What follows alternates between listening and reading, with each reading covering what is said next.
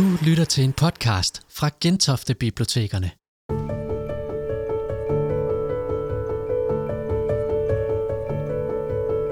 Torsdag den 12. oktober 2021 besøgte den prisbelønnede forfatter Ida Jessen Gentofte Hovedbibliotek. Her var hun i samtale med litteraturformidler Therese Vest om sin seneste roman Kaptajnen og Ann Barbara. Velkommen til. Og velkommen til dig, Ida Jessen. Tak. Du er jo aktuel med den her store, flotte og vildt spændende roman, Kaptajnen og Ann Barbara, som er intet mindre end en western fra den jyske hede. Romanen foregår tilbage i midten af 1700-tallet, hvor en fremmed ankommer til en fjern beliggende egen med en mission, og den fremmede er kaptajnen Ludwig von Karlen. Han er kommet fra Nordtyskland til den øde hede et sted uden for Viborg, og her vil han bevise, at ørkenen kan opdyrkes.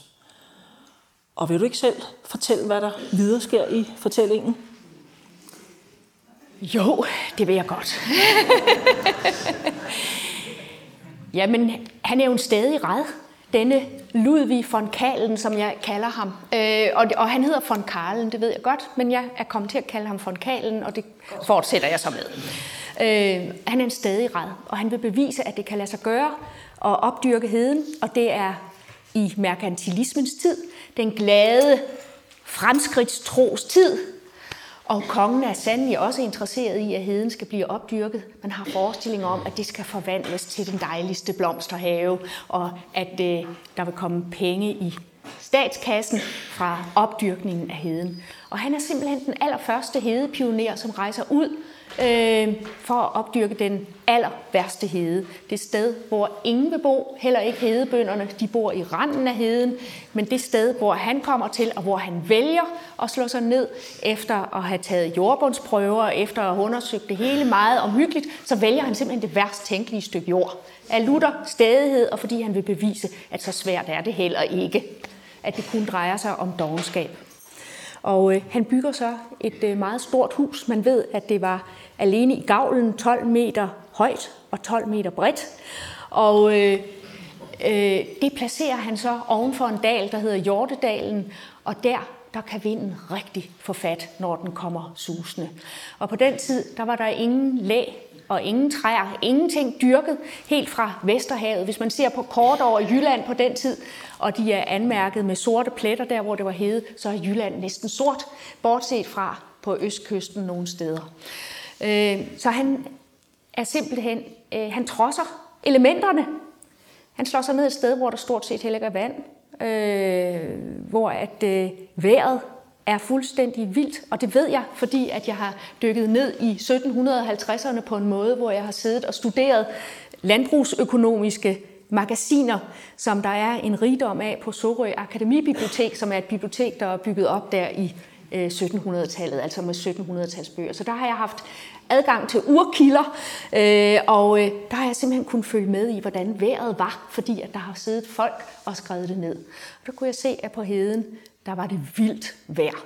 Altså det kunne være frost i juli, det kunne der kom jordskælv, øh, der, var, øh, der var havhus, der kom ind fra, fra Vesterhavet. Øh, de noterer også, at det kan regne med øh, fisk og frøer. Og øh, en skriver, ja, jeg ved, at det kan regne med blod, men orme er der nu ingen, der får mig til at tro på, at det kan finde sted. Deres videnskabssyn var meget pudsigt dengang. Øh, altså, der skulle bare én jagttagelse til, så blev det ophøjet til til lov. Så derfor har jeg også læst om, at viben går i dvale om vinteren og øh, mange andre morsomme ting. Men i hvert fald, så var der ingenting, der lægede helt fra, fra Vesterhavet og så derind, hvor kaptajnen slår sit hus op, sit mægtige hus af solidt egetømmer og hårdt brændte mursten. Og efter 12 år, der må han altså give op. For der er hans hus forvandlet til en ruin, og hans marker er groet til i løn, selvom han har arbejdet nonstop. Og ikke alene ville han altså bevise, at det kunne lade sig gøre at opdyrke heden. Han blev også udnævnt som kongelig landmåler. Han skulle opmåle, hvad der var alheden, og hvad der var lodsejernes privat privatejet, og det var ikke populært, fordi i de 400-500 år, der var gået siden kongen sidst havde haft interesser på heden, så havde alle andre jo gjort hævd på det, så han lægger sig ud med blandt andet herremanden på halv, Schenkel, som simpelthen helt frem til år 1900 kunne få folk på Viborg-egnen til at få kuldegysninger og redsel, bare hans navn blev nævnt. Så modbydelig grusom var han øh, i virkelighedens verden, og det er han sandelig også i den her bog. Og det er sådan bare i meget korte træk. Nu starter jeg med at sige, at det går ham ilde, men da jeg skrev den her bog, så tænkte jeg, at jeg skal jo ikke bare skrive en bog om en mand, som kommer alene ud i en ørken, og så går det ham ilde. Og det var ligesom det, der var opgaven, det var at få pustet liv ind i det her øh, hedeopdyrkningsprojekt. Øh, jeg var nok fascineret af tanken om en Robinsonade, øh, et menneske, som drager ud i udmarken og skal klare sig helt alene for og ligesom prøve at få opbygget en civilisation der. Øh, men en, det, det, jeg var nødt, altså det, det måtte befolkes af, af, af, af typer fra det samfund dengang, øh, og, øh, og øh, det måtte befolkes også af liv og glæde, fordi nok er livet på heden hårdt, øh, men der er også der er også glæder. Og det er det, som øh, den her historie den handler om. Men også grusomhed men også kærlighed. og ondskab. og ondskab. Og vi kan det. Ja, men fordi dengang jeg bestemmer for, at jeg ville skrive den her bog, så tænkte jeg, at jeg ville skrive en rigtig historie. Jeg vil simpelthen skrive en historie, hvor jeg siger, nu skal I bare høre. Nu vil jeg fortælle en, en rigtig røverhistorie. Øh, jeg havde simpelthen øh, nogle dogmer, som jeg satte op, at jeg ville fortælle en rigtig historie, og jeg ville ikke lave et eneste flashback. Vi ved, at kaptajnen han kommer fra København. Det er rigtigt, han, kommer, han er oprindeligt fra Tyskland, men han er kaptajn på kastellet. Dengang der hed det citadellet Friedrichshafen. Øh, men han søger altså om at komme væk fra København og komme over til hederne. Og hvorfor? Det har jeg ikke forsøgt at undersøge. Jeg har ikke undersøgt noget med hans fortid. Jeg sagde til mig selv, der må ikke være et eneste bekvemt flashback, som kan forklare, hvorfor han er den særling og den stadige red, som han er. Jeg har været i, i øh, nogle arkiver, og jeg har også fundet sådan en, en fortegnelse, en håndskrevet fortegnelse over markante militærfolk, der blev lavet af et par brødre en gang i slutningen af 1700-tallet, som jeg fandt på Rigsarkivet, og der står der om ham, at han var en særling, der ville opdyrke heder og, og, og boede alene på hederne. Det var sådan set øh, det, der stod om ham. Øh, men ja, jeg ville ikke have nogen flashbacks, øh, og den skulle fortælles i nutid. Og hvorfor jeg valgte det, det kan jeg faktisk ikke huske længere. Øh, Og så skulle jeg fortælle om folk, ikke i kraft af deres sjæleliv, men i kraft af deres handlinger. Og det bestemte jeg mig for, fordi at jeg længe gik i stå ved tanken om, at jeg skulle skrive om folk fra 1750'erne. Når jeg sad og læste om, om livet i Danmark på den tid, inden stavnsbåndets ophævelse under den ene vældige konge osv., så stod det jo for mig, hvor ufrit livet var på den tid. Og jeg tænkte, det er jeg ikke i stand til at sætte mig ind i. Vi lever så frit nu om dagen. Vi kan komme til alt, hvad vi vil. Det er faktisk friheden, der er vores kæmpe store problem i alle de valg, vi skal træffe. Men dengang, der var der altså ikke ret mange valg. Og øh, længe så vil jeg tilbage fra, og, og øh, jeg tænkte, hvordan skal jeg kunne sætte mig ind i, hvordan det var at være menneske dengang. Og så på et tidspunkt, så var jeg på bogmessen i Göteborg, og der mødte jeg en svensk trivialforfatter, tror jeg roligt vi kan sige, som hedder Maria Gustavsdottir og hun skrev, skriver bøger fra 1600-tallet. Og hende faldt jeg i snak med, og så sagde jeg til hende, hvordan tør du? Så sagde hun, ved du hvad, mennesker har til altid været mennesker. De har altid elsket og hadet, været misundelige, haft ting, de ville. De har altid længtes efter noget, haft ting, de synes var besværlige. Og det var egentlig bare det skub, jeg trængte til, for ligesom at gå i gang med, så tænkte jeg, okay, hvis hun kan, så kan jeg også. Og så, øh, og så kørte det. Så, så gik jeg i gang, ja. ja. Så tak til hende for, at hun fik sat dig i, i gang med det i hvert fald.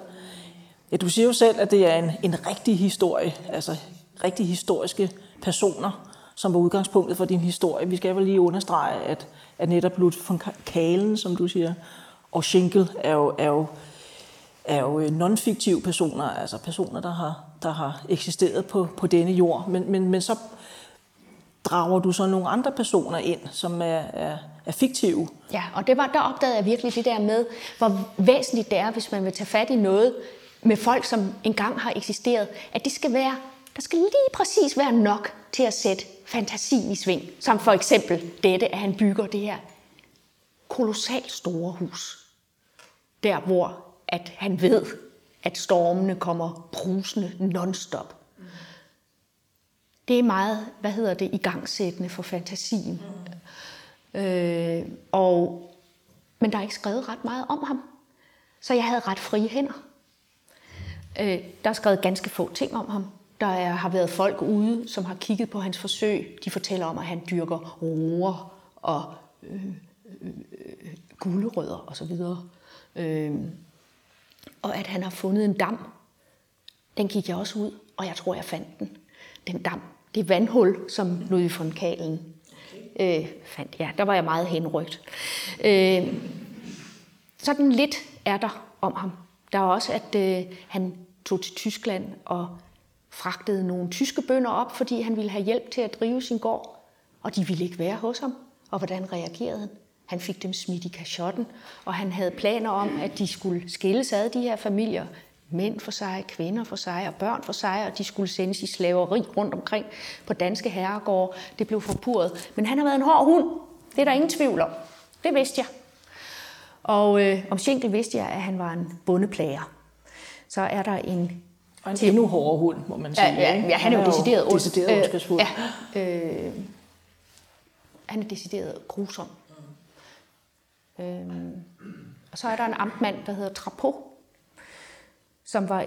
Øh, som jeg havde sådan lyst til at skrive om, fordi jeg så for mig sådan en portvins og løgsuppe duftende fed mand, som er meget, meget bekvem og er optaget af sit helbred og er rar og god, men doven. Og en, øh, og en teolog, som hedder Søren Testrup, som også har eksisteret i virkeligheden, og som i mange år havde fået at vide, var blevet holdt hen med, at han snart ville få et embede, hvis han nu bare ville ride rundt og gratis holde bredner her og der og alle vejen. Han var simpelthen den tids prekariat. Og øh, ham ved jeg også noget om, og, og øh, jeg ved, at han arbejdede sammen med Trapo, dengang da kartoffeltyskerne kom op, og de skulle lave de her kolonibyer, og Trapo var i allerhøjeste grad utilfreds med Søren Testrup, som han påstod ikke duede til noget som helst. Men jeg har min tvivl om, Trapo selv har været for arbejdsom. Så der, de to skikkelser morede jeg mig meget med at lave. Øh, og så er der så nogen, som er fuldstændig frit, øh, fri fantasi. Og en af dem er en teaterpige, der hedder Anne Mus. Og øh, på det tidspunkt så havde jeg læst noget om teaterne, som var den tids nomader, der levede sådan en stamme på en 4-800 på de jyske heder, som vandrede rundt og var foragtet. De levede i gensidig foragt med det danske samfund. Øh, de havde deres måtte ikke spise og drikke af det samme øh, som gården, gårdenes befolkning, når de kom ind. De kom for at tække, og de kom for at sætte glasruder i, de kom for at rense skorstene, de kom for at flå døde dyr. De blev også kaldt for natmandsfolk, eller kæltringer, eller, eller hvad hedder det, rotvælskere. Altså kært barn har mange navne. Og der var nogle af dem, som var cigøjnere, og de hed Benevejs og Mie. De navne kender vi jo godt. Øh, og så var der de danske de hed kat og mus og svin og mester. Og min teaterpige, hun hedder altså Anne Mus. Og øh, jeg fik sådan lyst til at lave sådan en teaterpige, fordi jeg på Sorø Akademibibliotek, når jeg gik og græssede, så fandt jeg de mest mærkværdige ting. Og der fandt jeg altså også et lille leksikon, som ikke var større end sådan her, meget tyndt. Det hed Rotvælsk leksikon, og på der på det akademibibliotek, der er der kun første udgaver, så det var en udgave fra 1824. Og øh, det er så en, en mand, der hedder N.V. Dorf, som har fået for sig, at han vil decifrere teaternes hemmelige sprog, rotvælsk. Og øh, han får så kontakt med en mand, som bliver kaldt for professoren, fordi han er så begavet. Han er teater, og han er indsat i Viborg Tugthus. Og det har han været det meste af sit liv for løsgængeri. Nu havde han bestemt sig for, at nu var det slut med det. Han havde arvet en jordlod, han havde giftet sig, han havde også fået bohave og så videre. Nu manglede han kun en kedel, og så havde han stjålet en over ved naboen. Og for det fik han altså fem år i tugthuset, og øh, nu sad han der, og nu var det endegyldigt slut med den slags. Nu ville han ud og hjem til sin kone, og N.V. Dorf får altså kontakt til ham og spørger, om han vil fortælle om sit hemmelige sprog, det rotvælske. Og ja, det vil han gerne. Og de går så i gang, N.V. Dorf og professoren. N.V. Dorf kommer på besøg i, hos, i tugthuset, og han får simpelthen mesterlektion i det her hemmelige sprog. Og øh, han spørger, hvordan kan det egentlig være, at øh, du vil fortælle mig det her hemmelige sprog? Jeg ved jo, at man risikerer sit liv ved det. Det bliver sagt, at man bliver slået ihjel af sine egne, hvis man bryder den her hemmelighed. Og professoren han svarer sådan underligt vagt. Han regner ikke med, at der bliver fundet ud af det, siger han. Der er ingen, der finder ud af det, siger han. Øhm, og der er 300 ord i den her ordbog. Øh, og det er altså ikke sådan noget med solnedgang og solsortesang og den slags ord. Det er simpelthen ord for brændevin og vand og pis. Det hedder det samme. Det hedder fluskes. Og øh, sex er der ord for. Det er meget nutidigt, hvis man hører, hvad de unge siger. Det hedder at skrue. øh, ja. En mand, det er en bings. Det kan så varieres på utallige måder. En, en møller, det er så rullerbænks. Øh, og øh, man kan spore så mange forskellige sprogstammer i. En høne, det er en galina. Det er jo russisk galina. Der er øh, en hare. Nej, en kat må jeg hellere starte med. Det hedder som en, en miavert. Og det kender vi jo også godt. Og så en hare, det hedder en feltmiavert. Og felt, det er jo plattysk og betyder mark. Så det er en kat, der løber rundt på marken. Øh, ja, en hat, den hedder en overmand. En degn, det hedder en skråler, så ved vi hvorfor. Og jeg kan huske dengang, da jeg var lille, når jeg indimellem, så sagde min mor til mig, jeg tror, du primer, Ida, sagde hun til mig.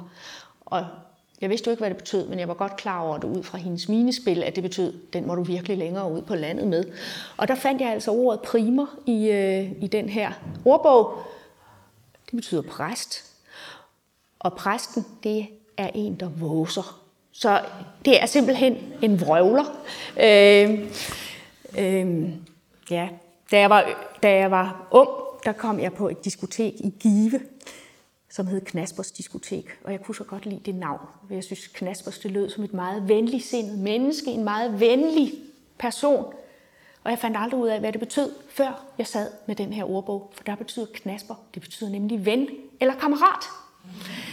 Øh, så ja. Din fornemmelse var rigtig. Ja, det lå næsten i, det var sådan nærmest sådan et lydhærmende ord.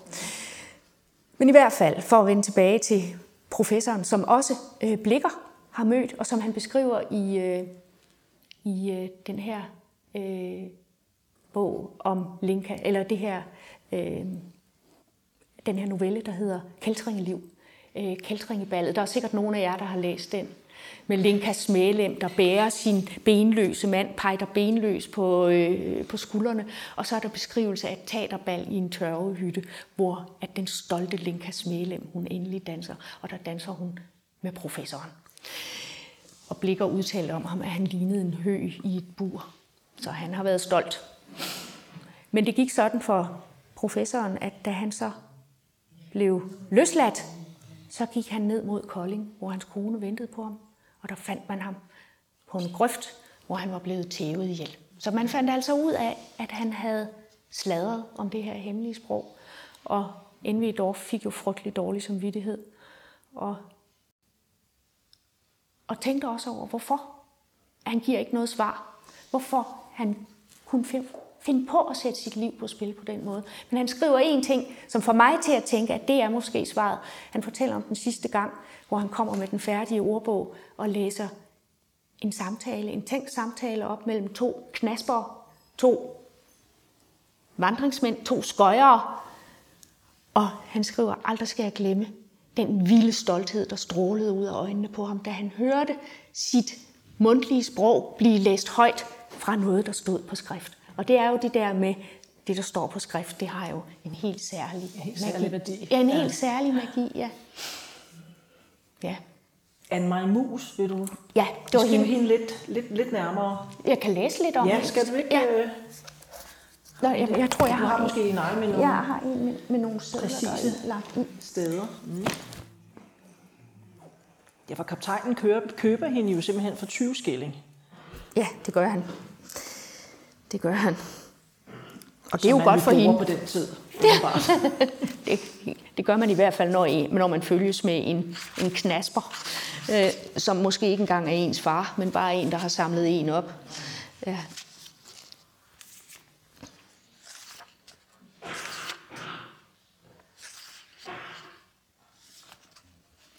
Vinteren blev lang og hård, men nu kommer lærkerne.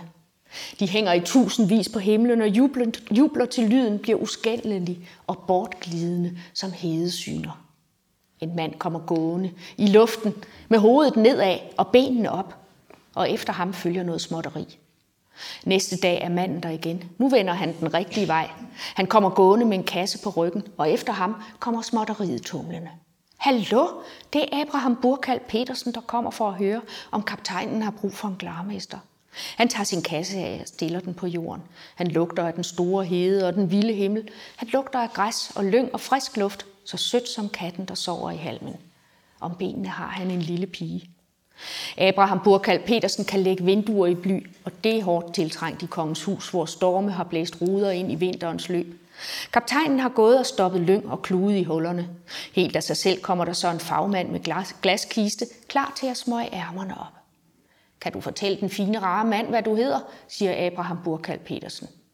Den lille rækker hånden ud med håndfladen vendt opad. Har du lidt godt til mig i Guds navn, siger den lille. Abraham Burkald Petersen giver hende et dask. Dit navn, dit lille spektakel. Hvad hedder du? Pigen ser forskende på kaptajnen, og så får hun et dask til. An mig mus for fanden, siger hun uden at tage de mørke øjne fra kaptajnen.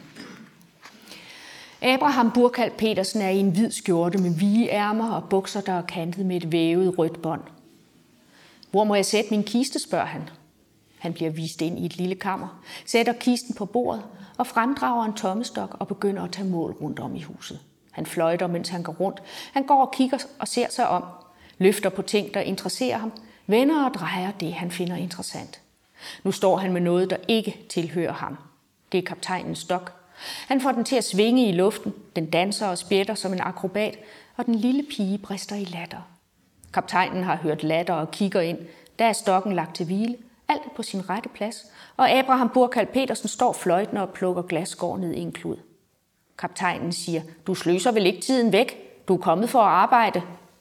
Jeg klarer det ikke alene, siger Abraham. Du må hjælpe mig med blyvinden. Den første dag Abraham Burkald Petersen er hos kaptajnen, kommer en sort og hvidspættet hund løbende til. Den kommer løbende over heden på en langlemmet og ligeglad måde.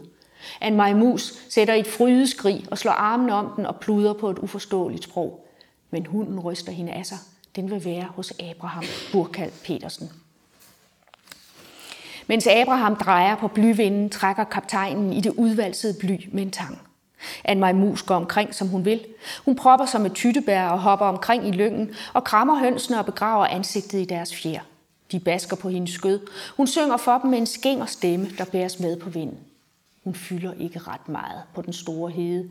Kaptajnen kommer ind i huset midt på dagen og finder hende i spisekammeret, og straks hun får øje på ham, sætter hun et tækkende, smågrædende udtryk op og rækker hånden frem. Tæl mig, siger hun. En lille kunst, tæl mig. Auf Deutsch, siger han. En loftov, bitte far. Det er det rene goddag med en økseskaft. Du skal ikke være herinde, siger han. Raus, raus.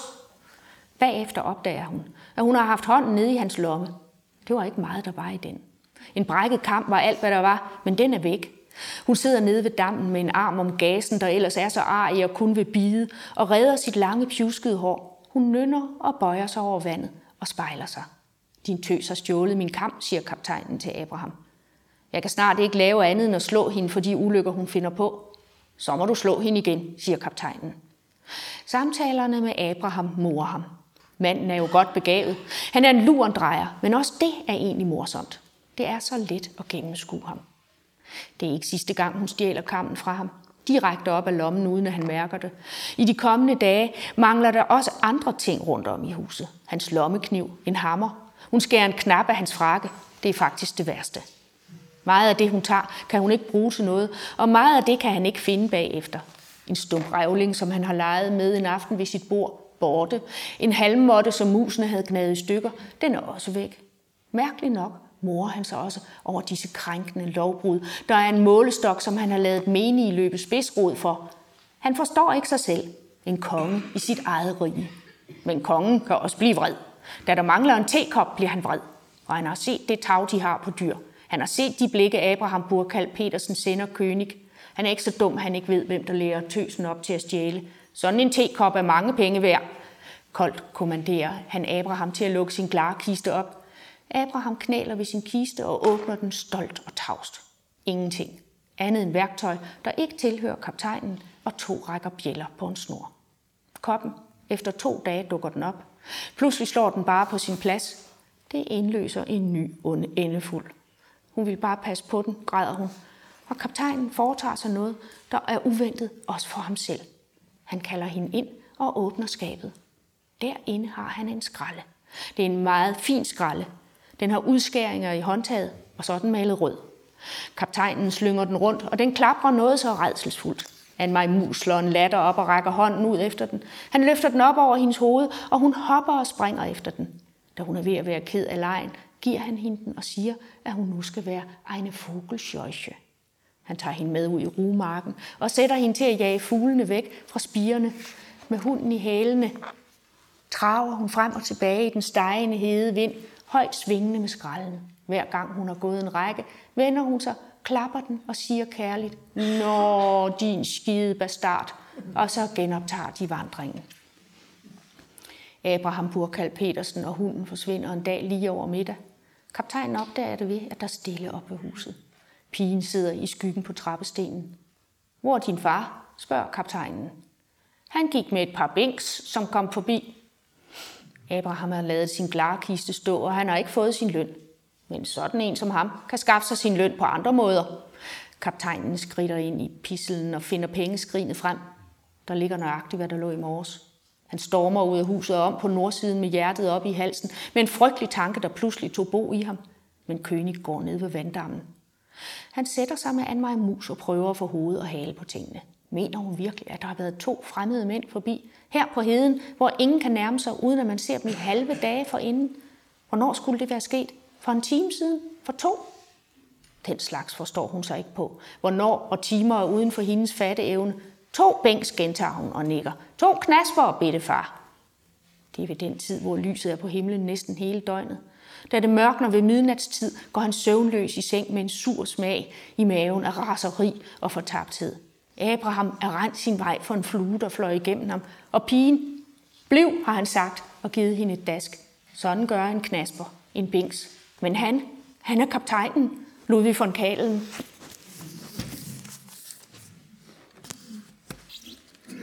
Ja, så kommer Anne-Marie Mus ind i billedet. Ja, og det er rigtig godt, at ja, hun gør det. det må man sige. Ja. Hun, hun hjælper ham jo. Ja, og hun, kaptajn hun, med, med landmålingsarbejdet og, og i det hele taget. Og i det hele taget kortlægning af heden og praktiske gøremål i dagligdagen. Og hun bringer, hun ikke kun hjælper ham på den måde, hun bringer jo også liv ind i hans forstenede, arbejdsomme liv. Ja, det må man ja. sige. Så han har nok at opdrage på, det er godt, men hun er ikke altid lige modtagelig for opdragelsen. Hun er meget underholdende at følge, må man ja. sige. Men der er jo også en anden, øh, som kommer og hjælper ham, og det er en kvinde, der hedder Anne Barbara. Og om hende, der ved vi heller ikke noget rigtigt. Vi ved kun, at hun en dag går strikkende på sin strømpe forbi kaptajnen og hans 12 meter høje hus, uden overhovedet at se på nogle af delene. Hun går lige forbi, som om hun ikke ser det. Og kaptajnen må råbe hende an. Og er du tørstig? Jo, hun kunne godt bruge en lille slurk vand. Og inden der er gået ret lang tid, så er hun altså blevet husholderske der i huset. Hun kommer uden noget som helst bagage, bare med det her strikketøj. Og hun kan føre hus. Hun er effektiv og ja. produktiv, må man sige. Ja. Hvor Anne Mus ikke har alt for god tjek på alle de praktiske detaljer. Hun er jo altså også bare en lille bitte pige. Han ved ikke, hvor gammel hun er heller. Men, øh, men øh, hvor hun er tater, så er øh, Anne Barbara, hun er, hun er bundepige. Øh, og, og har hele den der sunde fornuft i, hvordan livet på heden det skal leves på den bedste og den mest økonomiske måde. Ja, hun har jo en vel, et veludviklet talent for at få meget ud af lidt.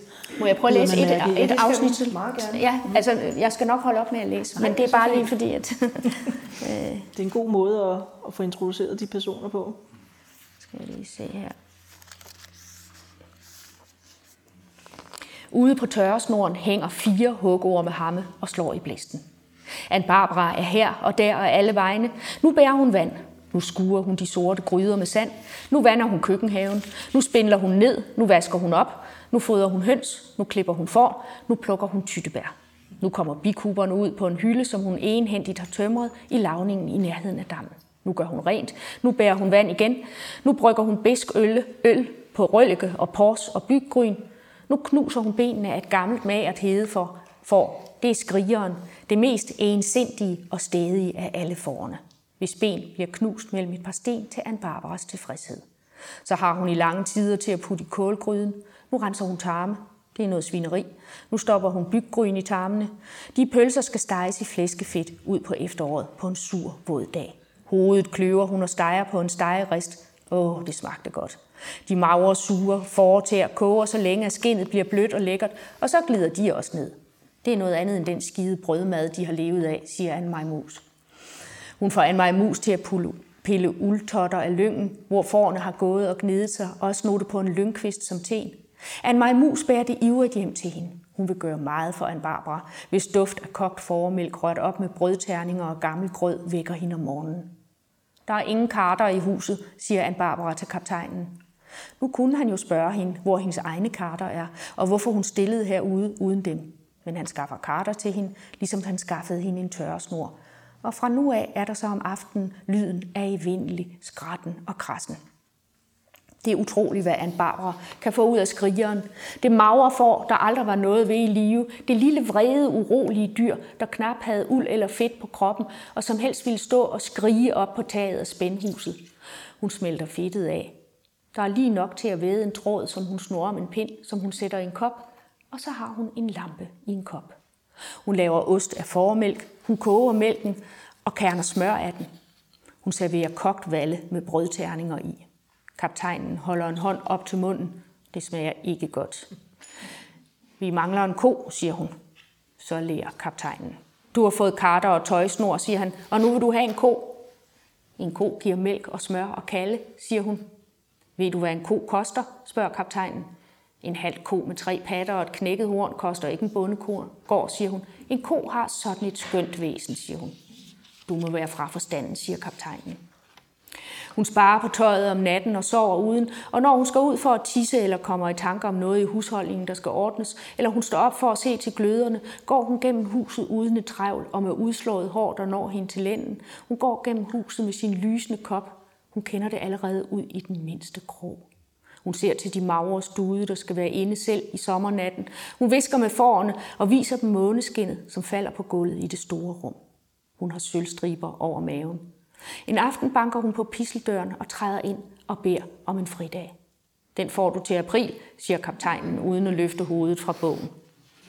I samme nu drejer hun om på hælen, så skørtet visler. Næste dag serverer hun grød morgen, middag og aften, og de næste dage grød. Aftenerne er tavse, kun ildsprudende karten. Efter en del dage siger hun med en stemme, der er mørk og fordrejet af krænkelse. Du spurgte ikke, hvad jeg skulle bruge fridagen til. Jeg spurgte ikke, og jeg spørger ikke nu, siger kaptajnen. Ugen efter ser hun ikke op, da han kommer. Hvad skulle du bruge en fridag til, spørger han. Det skal jeg sige dig, svarer hun. Jeg har en del uld, jeg gerne vil have solgt, og jeg har tørret en del tyttebær, som jeg også gerne vil have solgt, og en majmus samler honning, når hun vogter, og alt i alt skal der nok være en lille skilling at hente. Du går ingen steder, det kan jeg godt love dig, siger kaptajnen. En pige har ret til at tjene sine egne penge. Sådan har det været siden Arils tid. Har du ikke føden her? Desuden er det min uld, siger han, og den honning en majmus samler er også min. Så skal du gøre det. Du er jo så tit i byen, men du skal ikke sælge den kartede uld for mindre end 20 skilling. Hun kommer slæbende med forskellige ting, hun vil have ham til at sælge. Småkurve, som hun har flettet af revling, og fire meget tynde pølser, hvor der for oven stikker en lille hvid knogle ud.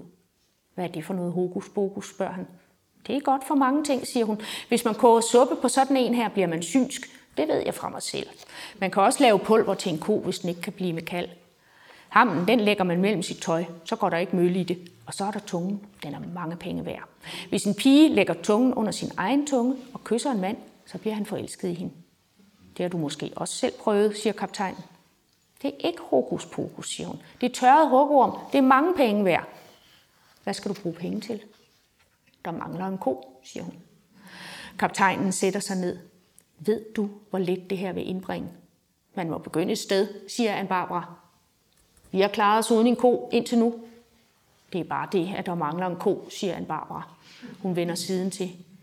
Og så vil du have, at jeg skal stille mig op som markskriger skal på torvet og sælge hokus pokus og uvasket uld. Han ler ondt. Du er mere tåbelig og dum, end du ser ud til. Det er ikke godt uden en ko. Hun snærper munden til. Og en ko får hun jo selvfølgelig. Og hun sørger selv for at skaffe sig den. Og den bliver døbt trepat, og den kommer til at spille en meget stor rolle i bogen. Det må man sige. Ja. Og deres forhold udvikler sig trods alt også Deres til at forhold blive øh, udvikler sig. lidt tættere og lidt mere Det bliver- varmt det- og fortroligt. Ja, fordi det her det er jo beskrivelsen af et arbejdsfællesskab mellem tre mennesker, som i den grad er afhængige af hinanden. Og den ømhed, der følger med. Ja, hun tager jo en meget mus under sin vinge, må man sige. Også, Ja, og kaptajnen tager Og en kaptajnen, mus ja. under sin vinge, og de tager hinanden under deres vinger. Øh, men de skal jo lige se hinanden an først. Ja. Men de har god tid derude på heden. ja, det har de. Og nu når vi er ved heden eller landskabet, så kunne jeg godt tænke mig at, at, øh, at have lidt mere fokus på, på den centrale rolle, øh, som, som, som landskabet spiller i din fortælling. Mm. Øh, du har alle dine karakterer, men, men, men landskabet eller heden spiller jo nærmest en af, af, af hovedrollerne Ja, selv, det er rigtigt. og er med til at, at, at forme øh, personerne, og med, med til at, at, at, øh, at, at præge handlingsforløbet også. nærmest, ikke? ja, jo, det er rigtigt. Altså, øh, dengang, da jeg havde skrevet bogen, øh, så øh, ringede Helle Helle til mig, og så sagde hun, jeg drømte om din bog i nat, at jeg skulle fortælle om den, og hvem der havde skrevet den. Og så sagde jeg, det er Heden, der har skrevet den, sagde hun. Og det synes jeg egentlig var så fin en, øh, en drøm, hun havde der, fordi sådan følte jeg det også næsten selv, at det var Heden, der havde skrevet den. Og det, den her bog, den startede jo med min kolossalt store interesse øh, for heden. Øh, jeg er selv vokset op i Tyregod, som er gammel hedeegn. Og øh, det var det jo ikke, dengang jeg øh, voksede op i 60'erne og 70'erne.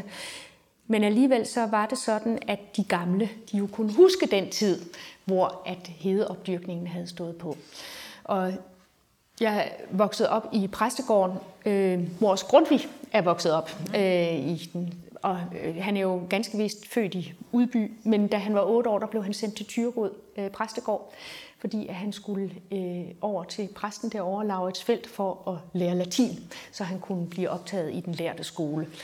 Og der boede han så faktisk øh, resten af sin barndom i otte år øh, indtil han så kom på Randers Lærte Skole. Og han har skrevet øh, ingenting om Tyregod.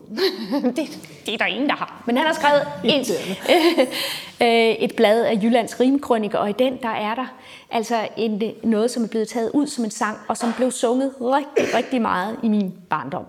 Hver gang vi var sammen. Og det er en sang, der hedder Der er et land så kosteligt. Og dengang der stod den i højskolesangbogen, og det gør den for længst ikke mere. Men, øh, men der skriver Grundtvig om Tyregod, det er slet ingen Abilgård og ingen blommehave. Det lysner mest kun lidt i vor, og buskene er lave. Og lyngen køb, kryber langs af land og ormeflok. med ormeflok og flyvesand, og bøgen står i stampe. Og da jeg begyndte at interessere mig for det her, der var mine forældre for længst flyttet fra præstegården, og jeg var jo for længst flyttet hjemmefra. Men når man bliver ældre, så begynder man som regel at interessere sig for, hvad det er for noget, man kommer fra. Øh, og øh, jeg begyndte at interessere mig for, for det, fordi at der var en ny præst, der havde overtaget præstegården, som overhovedet ikke var interesseret i haven.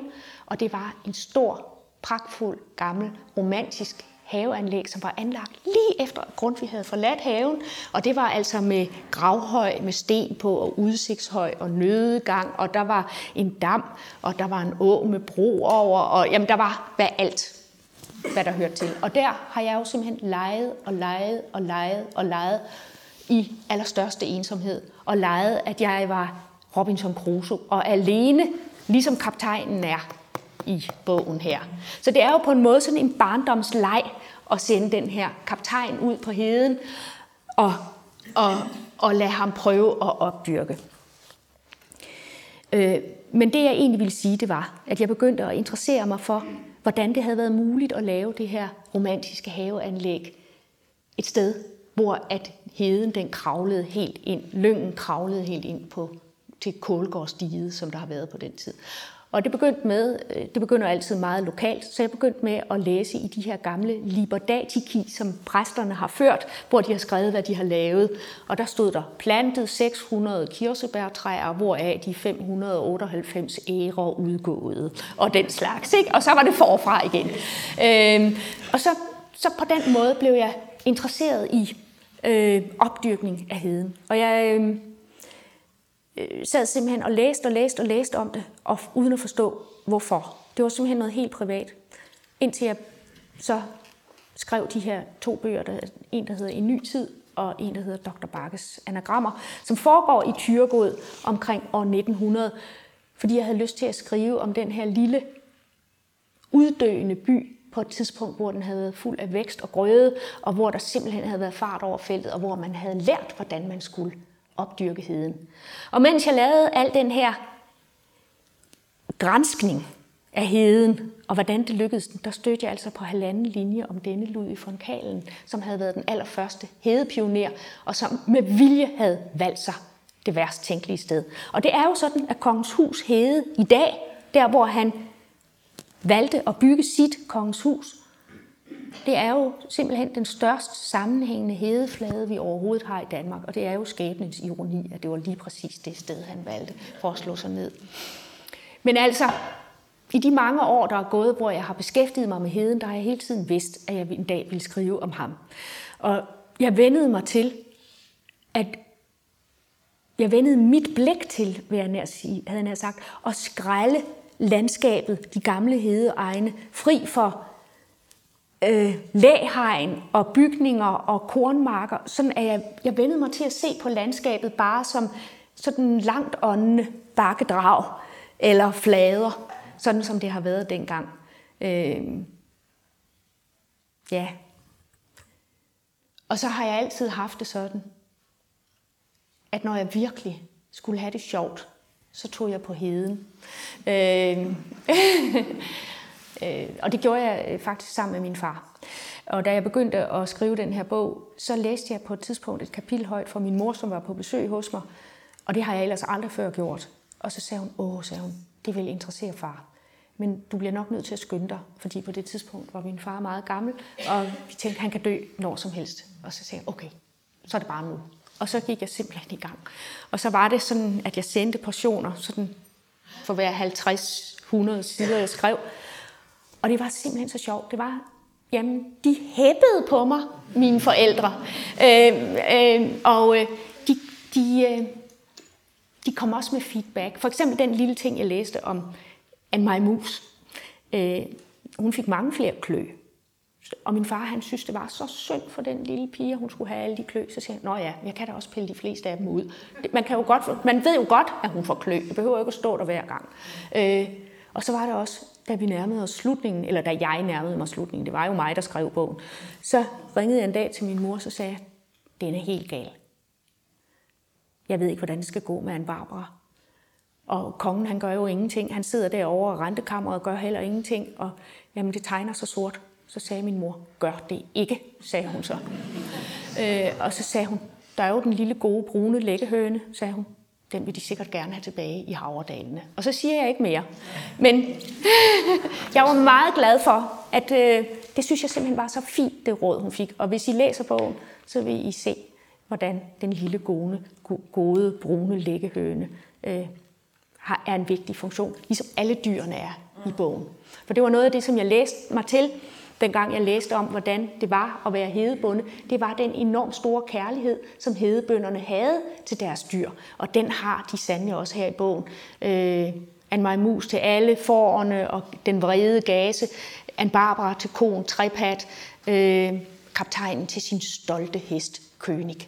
Øh, det er simpelthen udtryk for deres eget sind. Øh, og det var også en trøst for mig, når, jeg, når det var aller værst, så var der kærligheden til dyrene, som de altid kunne søge trøst hos. Men så er det jo alligevel, det kan gå værre end værst samtidig, når man bor på heden, hvor at vejret kan være så grusomt. Ja. Vinden hyler i en uendelighed. Ja, vejret er. Ja. Men ved I hvad, det var også noget, jeg havde lyst til at skrive om det vejr, fordi at i mine unge øh, formative år, da jeg var 25 år, der flyttede jeg op øh, på Polarcirklen. Og det var nok den der indre Robinson Crusoe, jeg havde i mig, fordi jeg valgte også det aller værste ting, tænkelige sted, man overhovedet kunne, nemlig en ø, der lå fire timer salas fra land øh, på Polarcirklen, og den var kun halvanden kvadratkilometer stor, og det meste af den var mose. Og der blev jeg altså lærer på skolen der. Og det var, fordi jeg simpelthen bare havde den der drift efter det øde, som er en mærkelig drift. Og jeg er blevet kureret for den nu, men der, den skulle virkelig tages med tang, og det er den blevet blandt andet der. Øh, men der, der levede jeg jo i flere år med den der vindens hylen, som simpelthen var som hujende djævle uden for mit hus. Øh, altså, det, vinduerne, de stod sådan... Øh, og, og det skreg og vinede, og man havde simpelthen, det var som dæmoner, der prøvede at løfte taget af og komme ned øh, til en. Og øh, det mildeste, det var cooling, og så det kan jo ikke blive værre end orkan, men altså det bevægede sig derimellem. Så, øh, ja. så cooling, det var når, når det var roligt? Det var, så var det roligt, ja, ja. Så jeg havde lyst til at skrive om stormes tuden. Mm-hmm. Ja. Og det lægger du simpelthen ud med helt fra starten af. Ja. Kan jeg lukke dig til at læse starten på bogen, fordi det er ja. jo simpelthen en af de smukkeste begyndelser på en, en roman, jeg har hørt længe. Jeg fik i hvert fald mindelser om Inger Christensen, det ved jeg ikke, om du har. Jo, det, det fik jeg også selv. Ja, men og det er jeg... som, som dagens store kompliment i hvert fald. Ja, ja men det er jo, der, der er jo også hilsner til hende i. Og der er også, det må der være. Ja. Heden ligner ikke noget andet sted. Der er himlen og den flade jord. Der er øde og tomhed. Vinden farer over himlen og skyer og regn. Varmen og kulden bæres frem af vinden. Vinden tuder. Ingen ved, hvorfra den kommer. Den synger og hyler. Vinden er der altid. Natten og dagen er der også. Ulve er der. Hugorme ruller sig sammen. Sommergule sommerfugle patruljerer. Lærker stiger op. Rovfugle er der. Boliger er der ikke. Mennesker er der ikke. Lyset og mørket er der. Og gråt er der. Natten og dagen er der. Og årstiderne er der. Vinden, vinden er der. Vinden blæser, hvorhen den vil. Man hører den suse. Ingen ved, hvor den kommer fra, eller hvor den vil hen. Ingenting skygger, ingenting lær, og himlen er grusom. Den sender hede, der tørrer jorden ud i flere meters dybde. Den sender frost i juli. Den får det til at regne med blod. Fra himlen kommer lynnedslag, der får jorden til at ryste til den sprækker. Alting kommer i skælving. Jorden åbner sig, og kilderne styrter ned i dens indre til de stanser, og jorden lukker sig igen. Engang var der vand på heden. Det er borte nu. Dybe slugter viser, hvor det løb. Et par små høje i det flade land fortæller, at der engang har boet mennesker på heden. Små brune mænd ligger i egetræsvugger i højene. Hvor må der have været rigt af vand? Floder af vand. Af og til kommer en vogn rokkende, eller et menneske vandrende med en byld på nakken. En vejfarende, en handelsrejsende, der er nød må krydse igennem. Han skal passe på slugterne, på dalene og bakkerne. Ulvene skjuler sig i den høje lyng, som nogle steder er højere end mennesker, og navnløse røvere kommer farerne op og overfalder den vejfarende. Ingen kan høre hans råb om hjælp. Selv ikke forflokke er der her. Ingen hyrder er der. Ingen våger. Ingen vogter. Nogle gamle sten ligger væltet om i lyngen. En fjern konge satte dem. Hans mærke er hugget ud i dem. Der findes efter sine dokumenter fra hundredvis af år tilbage, som fortæller om skæld og ejendomsret. Men hvor er de? Ikke på heden. Ikke hos bønderne og lodsejerne på randen af heden. Ikke i byen. Ikke hos amtmanden. Brændte de, da alt andet brændte i den store brand? Eller er de på rentekammeret? Tingene forsvinder på rentekammeret, der har vigtigere ting at tage sig af. Ingen ved, hvem der ejer heden. Den er nogens, og den er ingens. Ingens er det navn, der gælder på heden. Så kommer to mennesker kørende i arbejdsvogn med en grå og en spættet hest for. Kusken er en ung, stærk fyr. Han er bare tær og er klædt i bukser og en grov trøje og en hætte, der kun lader øjnene fri og som ender i et slag over skuldrene. Og oven på hætten har han en ulden hue. Bag ham sidder en kaptajn i rød uniform med trekantet hat og med gul silkeskærf om livet. I vognen ligger der telte, telt, tæppe og telt, forskellige redskaber og et par dunke. Hestene og vognen arbejder så møjsommeligt frem gennem lyngen.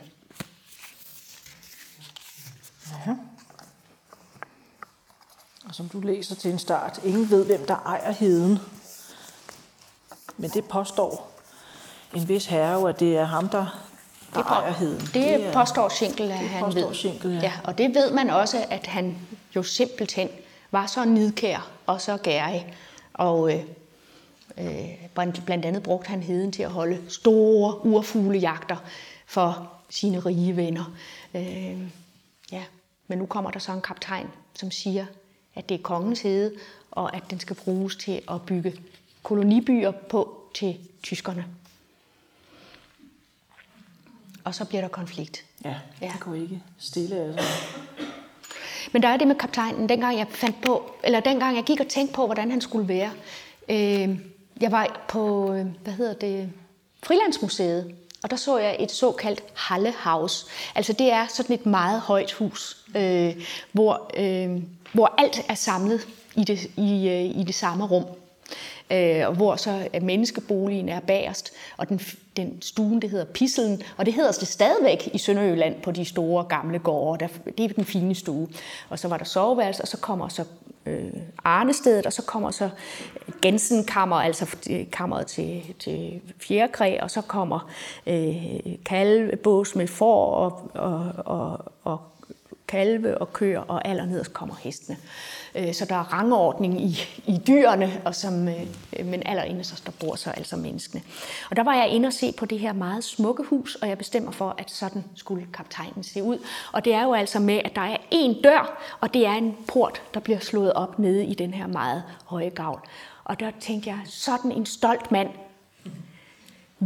Jeg så ham for mig, at han åbner porten. Og det gør han hele bogen igennem. Der kommer folk. De kommer både nat og dag. Om dagen kan han jo se dem på lang, lang afstand. Han kan ikke se, hvem det er, men han kan se dem halve og hele dage før. Han kan være forberedt på, at der kommer nogen. Men om aftenen og om natten, så kan han jo ikke se, hvem der er, før der pludselig lyder bankeslag på porten. Og der havde jeg altså den der grundtvig salme i tankerne i kvæld bliver der banket på helvedes port. Og der er det jo omvendt, fordi der er det jo Jesus, der stiger ned i helvede for at frelse folk. Men når jeg tænker på den salme, så synes jeg, det lyder ildevarslende. og, øh, øh, og, og så tænker jeg, hvordan reagerer kaptajnen, når det banker på, og han ikke ved, hvem det er? Jo, han går altid ned og åbner. Han går altid ned og åbner, og vognene kører ind. Kaptajnen lukker og sætter låsen for, og først da, så ved han, hvem det er, der kommer ind til ham og det kan være mange forskellige. Og i hvert fald, Schinkel kan antage forskellige persontyper. Man ved aldrig, hvilken form Schinkel er, når han bliver lukket ind i huset. Så det var sådan ligesom, hvor jeg nogle gange kunne tænke, hvordan skal det gå nu? Øh, sådan, øh, jeg, hvor jeg kunne tænke, nå, nu kommer Schinkel igen. Og jeg vidste, det går værre og værre.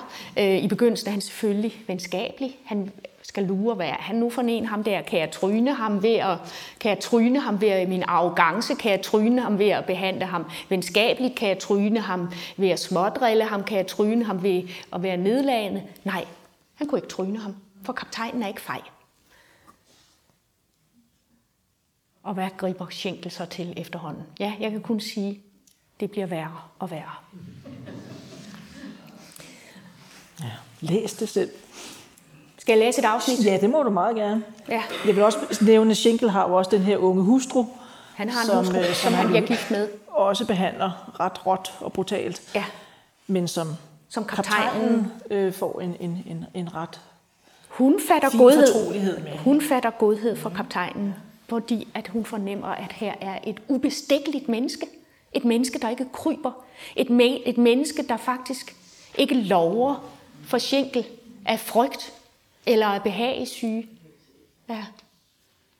Så på en måde så var det jo morsomt at skrive en historie med et menneske, der ikke er fejt. Og som og hvor jeg havde den frihed, at jeg ikke behøvede at undersøge modets psykologi, fordi jeg ikke gik ind i hovedet på ham. Jeg lod ham bare stå der som kaptajnen. Og hvor han bliver ved med at stå.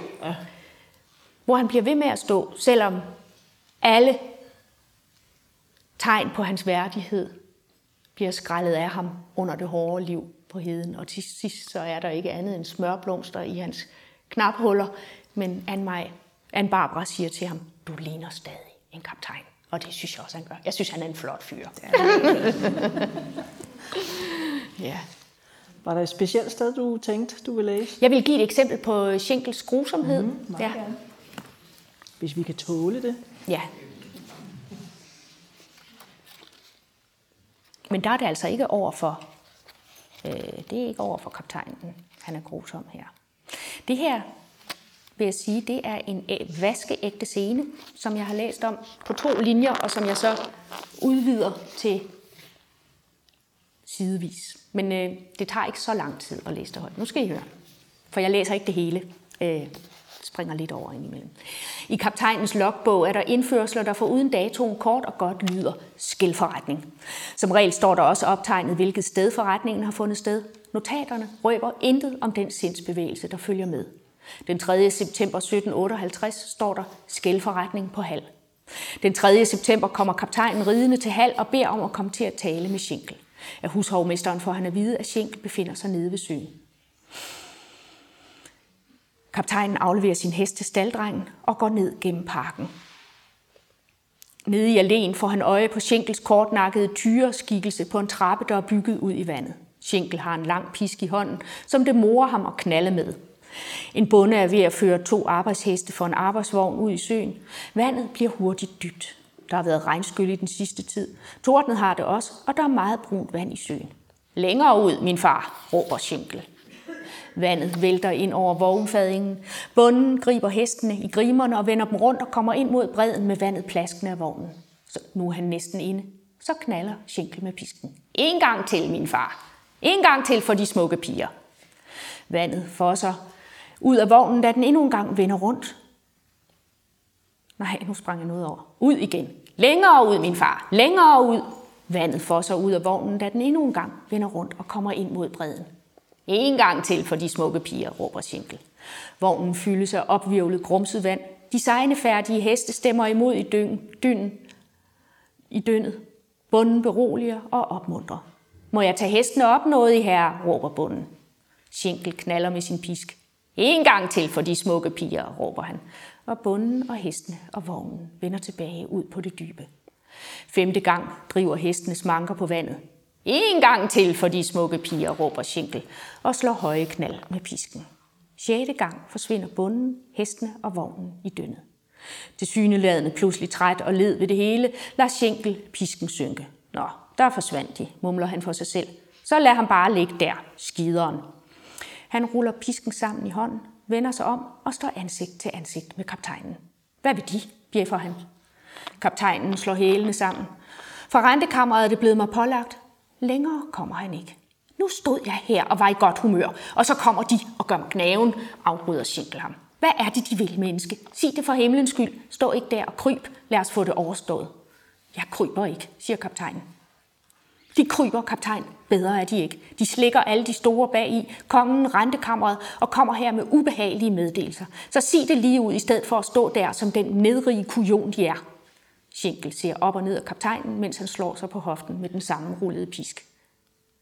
Fra rentekammeret er det blevet mig pålagt at meddele, at jeg skal se matrikelkortene fra 1683. Rentekammeret har oplyst, at de er ikke kun en kujon, de er også døv og dum.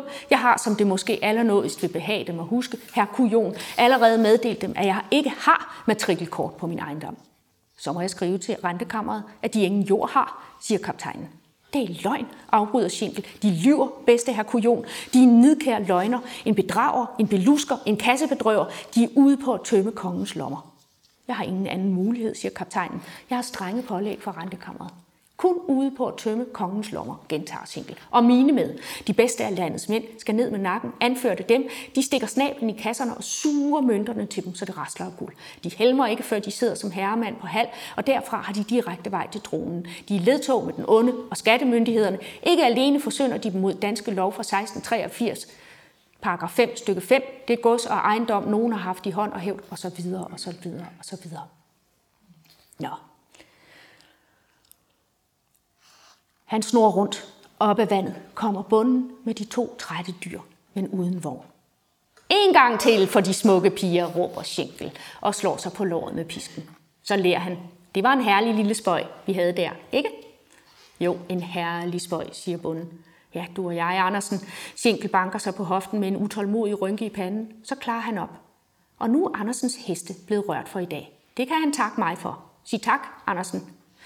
Jeg takker noget i herren, mumler Andersen. Højere, råber Schenkel. Jeg takker noget i herren, råber Andersen. Men vognen, Andersen, hvor er vognen blevet af? Jeg måtte skære hestene fri, noget i herre. Men hvad så med vognen, Andersen? Skal den blive stående på bunden af søen? Jeg tænkte, jeg måtte redde hestene, siger Andersen lavt. Schenkel ser spekulativt på ham. Pisken diger mod låret. Jeg mener da, siger han langsomt, at det er en ganske god arbejdsvogn. Ikke helt ny, men heller ikke helt gammel, så vidt jeg husker. Så vidt jeg husker, lavet af solidt træ. Fire gode hjul er der også på den. Det er ikke let at lave hjul. Det er en kunst at lave hjul. Det tager tid. Andersen kan spørge julemanden, hvor lang tid han bruger på at lave gode hjul. Ja, fire gode hjul er der, så vidt jeg husker. Men jeg kan huske forkert. Hvad siger Andersen? Er vognen ikke god nok? Er vognen ikke god nok til Andersen? Jo, jo, stammer Andersen og bukker, bukker dybt. Vognen er god nok. Er han for fornem til at køre med arbejdsvogn? Andersen kigger på Schinkel uden at sige noget. Er han for fornem til at svare? Skal han op og køre i karet og karosse? Er det det, han vil? Men noget i herre. Skal han op og køre i karet? Er det det, han vil? Jeg ved ikke, hvad jeg skal sige, når noget i herren spørger sådan. Så mine spørgsmål er ikke gode nok til Andersen. Hvordan skal jeg så stille mine spørgsmål? Andersen siger ingenting. Jeg vil skam gøre alt for at behage Andersen. Hvordan skal jeg spørge, så det behager Andersen? Noget i herren behøver slet ikke at spørge. Så Andersen vil ikke tale med mig. Han er for fornem til at tale med Schinkel på halv. Er det sådan, det skal forstås? Andersen er helt tom i øjnene. Hallo, råber Schinkel, og det giver et sæt i Andersen. Vil han op og køre i karet? Nej, nej, visker Andersen. Vil han op og ride? Nej, visker Andersen. Ja, for vi har en udmærket hest op i gården, og den er vist ledig nu. Ikke så helt så blød som de to der, men til gengæld bliver den ikke træt. Den kan blive ved i time efter time, dag efter dag. Den behøver hverken at spise eller sove. Den kan slæbe byrder, der er tungere end dig, Andersen, hvis det skal være. Det er en god hest. Den giver aldrig op. Stor og stærk er den. Ja, der er som også plads til din kone, hvis det skal være. Nej, noget i herre. Bryder du dig ikke om selskab, Andersen? Bryder du dig ikke om at ride med din kone? Intet svar. Bryder du dig ikke om at ride med din kone, Andersen? Sådan en ung, stærk knøs som dig, og din kone er da også ung og stærk, så vidt jeg kan se, og køn også. Sådan en ung kone skal man ikke overlade til sig selv, Andersen. Så kan det være, at der kommer en anden forbi, som ikke er bange for at ride sig en tur. Hø, hø. Schinkel banker sig med pisken mod hoften. Men jeg får en idé til en lille byttehandel, Andersen. Du får din ridetur alene, sådan som du ønsker det, og så passer jeg på din kone, så ingen kommer og tager hende. Lyder det fornuftigt, Andersen? Du og jeg, Andersen, siger Schinkel kælent. Jeg kom denne lange vej for at tale med den bedste Schinkel, siger kaptajnen. Jeg beder om, at de ikke spilder min tid. Schinkel vender sig straks om mod ham, og hvor hans ansigt før har været smilende, svulmer han op af højrødhed i hovedet. Forstyr mig ikke, siger han. Så går jeg, siger kaptajnen. Jeg kommer tilbage en anden gang. Ikke tale om. De bliver her, siger Schenkel. For dem er jeg nemlig ikke færdig med, siger han. Skrub af, siger han til Andersen. Hvad glor du på, din dompak? Skrub af, eller jeg skal komme efter dig. Og den vogn, den står på sin plads i morgen. Skrub af, skrub af, skrub af. Andersen bukker dybt. Skrub af, råber Schenkel, fægtende, ildrød. Andersen og hesten forsvinder. Langsomt genvinder Schinkel sin normale ansigtsfarve. Han står og kigger ud over søen. Det er en dårlig dag, de kommer på, siger han. Der er ting, der går mig imod i dag, siger han. Først og fremmest dem, Ludvig von Kalen, de går mig imod. De lister dem ind til min kone, hører jeg. Det vil både jeg og hun have os frabedt. De er modbydelig kal, kaptajn. De har nyt mit udstrakte venskab. Jeg inviterede dem til mit bryllup. Jeg har besøgt dem og givet dem rige gaver. Hvordan skulle jeg kunne forudse, at frugten af mit kærlige venskabstilbud til dem skulle få sådan en ende? Schenkel bøjer sig og finder en sten og kyler den ud over vandet. Jeg er tvunget mig. Jeg er tvunget til at finde mig i meget. Jeg må finde mig i at have dem rendende her. De slæber rundt på deres latterlige dingenoter og pæle. Godt, det må jeg finde mig i. Jeg finder mig i, at de ødelægger min høst, tramper min hvede, buk, byg, ro og haver ned, hvad har kaptajn, og fælder mine skove for at komme frem. Alt det, som ikke kun jeg og min familie, men som også mine festebønder, alle disse gode, trohjertige mennesker skal leve af. De tager altså føden fra disse uskyldige mennesker, men sådan er det. Det går jeg ikke ophævelse over. Det bedes de bemærke. Hvis mine bønder dør af sult i vinterens løb, må jeg bære det til tab. Det har jeg affundet mig med. Men min kone, hende holder de dem fra. Jeg skal sige dem en ting. Her kommer Schenkels ansigt helt tæt på. Hun vil ikke vide af dem. Jeg skal ikke forstyrre deres kone, siger kaptajnen. Slå hælene sammen, råber Schenkel. Kaptajnen stivner. Schenkel knaller i luften med sin knallepisk. Hælene, råber han. Sammen, honør! Kaptajnen begynder at gå op ad trappen. Han tager lange skridt op ad de høje trin, tager to trin ad gangen. Schenkel løber efter, mens han snærter med pisken efter kaptajnens støvler og prøver at fange hans ankler. Men kaptajnen er for hurtig. Schenkel kan ikke følge med. Honør bliver han stående og galer på et af de nedre trin. Honør, kaptajn, og et hop, og et hop til. Hop, kaptajn. Vupti, hop og spring. Det synes jeg næsten lige skal have en lille applaus, hvis du får noget vand at drikke. Ja, man er ikke i tvivl om, at han er en ond satan, er han. for at sige det mildt. Ja. Men heldigvis er kaptajnen både stolt og stedig, som du siger. Så Ja. han, øh, Min mor hun påpegede ganske vist, der flygter kaptajnen fra ham. Men øh, jeg kunne ikke lige se, hvordan han kunne redde æren der. det synes jeg, han, han, det var et fornuftigt valg. ja. Jeg tænkte på, nu, nu har du været lidt inde på omkring alt det her med, med researcharbejdet. Kunne du fortælle lidt mere om, hvordan du sådan greb det an? Jeg, jeg tænker, så stor en, en roman har krævet et meget omfattende researcharbejde. ja, det gjorde det også. Altså, og jeg troede, at jeg ville skrive to bind, hvor anden del skulle dreje sig om kartoffeltyskerne. Så dem øh, lavede jeg rigtig, rigtig meget øh, research på, og var helt inde i deres... Øh, øh, jeg kan ikke huske, hvad de bøger hedder, men hvor de skrev op af reglerne, reglementerne for, øh, for byerne, og hvordan de øh, øh var organiseret, og øh, jeg tilbragte meget tid på det kongelige bibliotek. Øh, Øhm. og det brugte jeg nok ret meget tid på. Øh, så læste jeg, hvad der var at læse om øh, hedelitteratur. Og jeg læste, hvad der var at læse om... Øh, øh, altså Jeppe Auk her har øh, været i arkivet. Han er jo sådan en rigtig arkivrotte. Og han kunne læse gotisk håndskrift, og han har, trans, altså, han har jo fået skrevet det. Altså det er udgivet. Øh, og han havde en lille pamflet, der hedder Den jyske hede før kolonisationen, øh, hvor han gør rede for de øh, kommissioner, som kongen sender til hederne, for at de kan lokalisere, hvor der er vand. brøndkikker, der er med. Og øh, hvordan folk øh, de simpelthen bare er ved at dø af angst ved tanken om at skulle derover. Øh, Øh, det, som jeg læste fra begyndelsen, hvor der står, at lyngen er højere end mennesker, det har den kære Søren Testrup som indskrevet i et af de landbrugsøkonomiske magasiner, men jeg tror, at han overdrev. Øh, det er muligt. Men øh, den slags hoppede man jo på. Ulvene skjuler sig i græsset og i den høje lyng. øh, men det er rigtigt nok. Altså, jeg, jeg, jeg, der er et, et begreb, der hedder hedeangst, øh, som jeg på en måde godt kunne forstå. Øh, hvor at, og det er simpelthen det, at der ikke er nogen skjulesteder. Øh, og at øh, der ikke er, altså hvis I kommer til Kongens Hus Hede nu, så står der sådan lave pil og så videre. Ikke mange, men der er lidt. Og det var der ikke på den tid. Der var ikke andet end rensdyrlav og lyng. Og der har ikke været nogen steder at skjule sig. Og jeg vil, det er himlen, der er landskabet, og himlen er uforudsigelig. der er ikke noget, der er forudsigeligt der.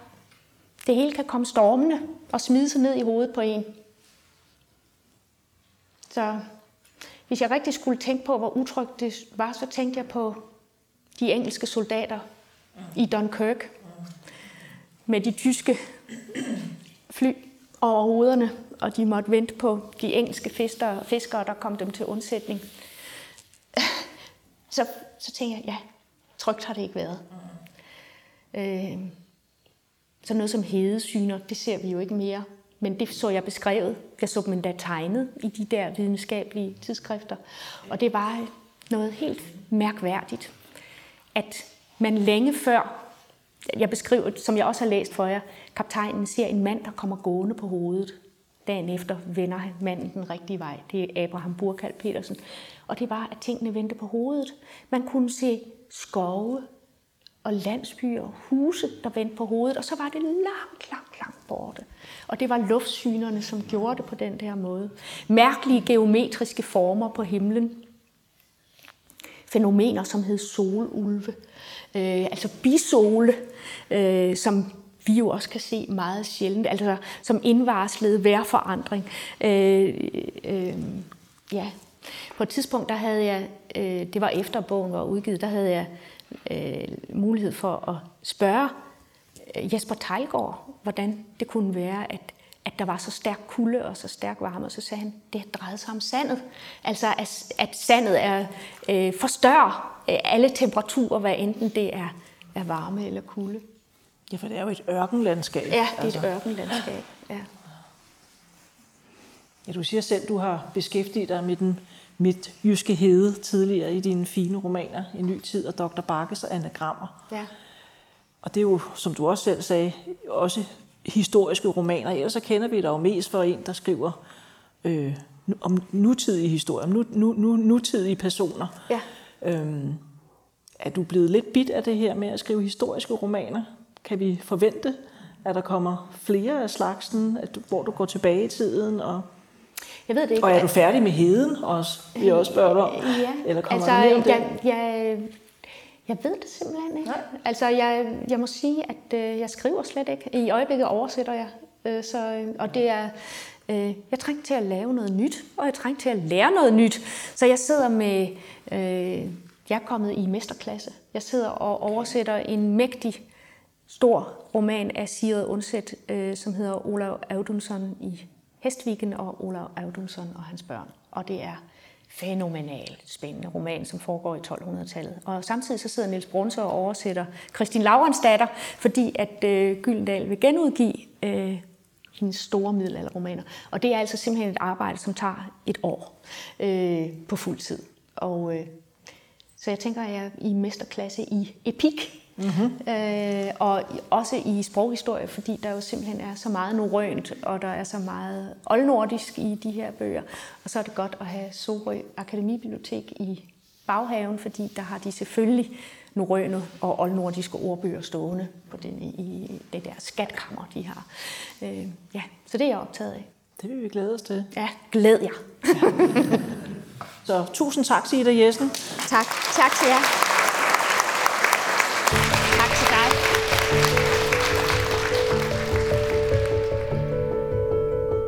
Du har lyttet til et arrangement optaget på Gentofte Hovedbibliotek torsdag den 12. oktober 2021. Husk, at du finder flere podcasts på vores hjemmeside. Vi lyttes.